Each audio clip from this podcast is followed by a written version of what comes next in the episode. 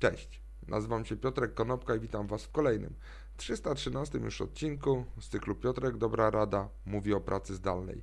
Dzisiaj powiem kilka słów na temat czterodniowego tygodnia pracy.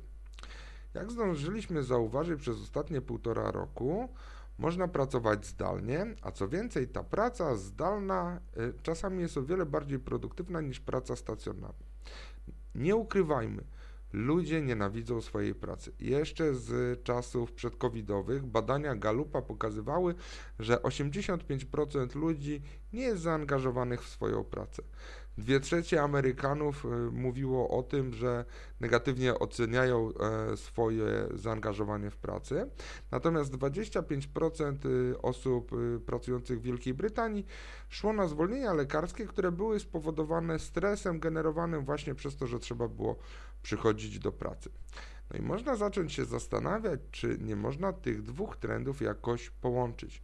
No bo jeżeli pracownicy pracują zdalnie i możemy mieć wyższą produktywność, i ta wyższa produktywność przełoży się na lepiej prowadzony biznes, to warto się zastanowić nad tym, czy klienci nie będą szczęśliwsi i pracownicy nie będą szczęśliwsi, gdy będą pracowali przez 4 dni w tygodniu. Nie powinniśmy się obawiać tego, że te 4 dni w tygodniu spowodują załamanie naszego biznesu. E, taki czterodniowy tydzień pracy został już wprowadzony w Islandii, gdzie 85% społeczeństwa pracuje właśnie w ten sposób. Islandzka ekonomia radzi sobie całkiem dobrze, a biznesy nie chylą, nie chylą się ku upadkowi. Pracownicy mają lepsze podejście do życia, mają lepszy work-life balance, no i być może warto zastanowić się w tym kierunku, jak to powinno zostać zorganizowane u nas.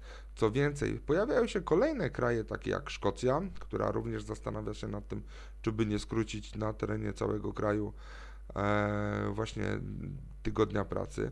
Tak samo Nowa Zelandia, Szwecja, Finlandia, Japonia czy Hiszpania. Mm, to może spowodować, że na przykład nawet w Stanach Zjednoczonych pojawiają się głosy takie jak e,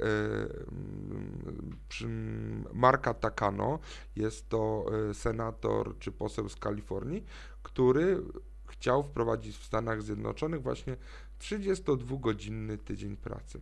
A co wy myślicie, czy ten 32-godzinny tydzień pracy sprawdziłby się w Polsce? Dajcie znać w komentarzach. Dzięki serdeczne, do zobaczenia i usłyszenia jutro. Na razie.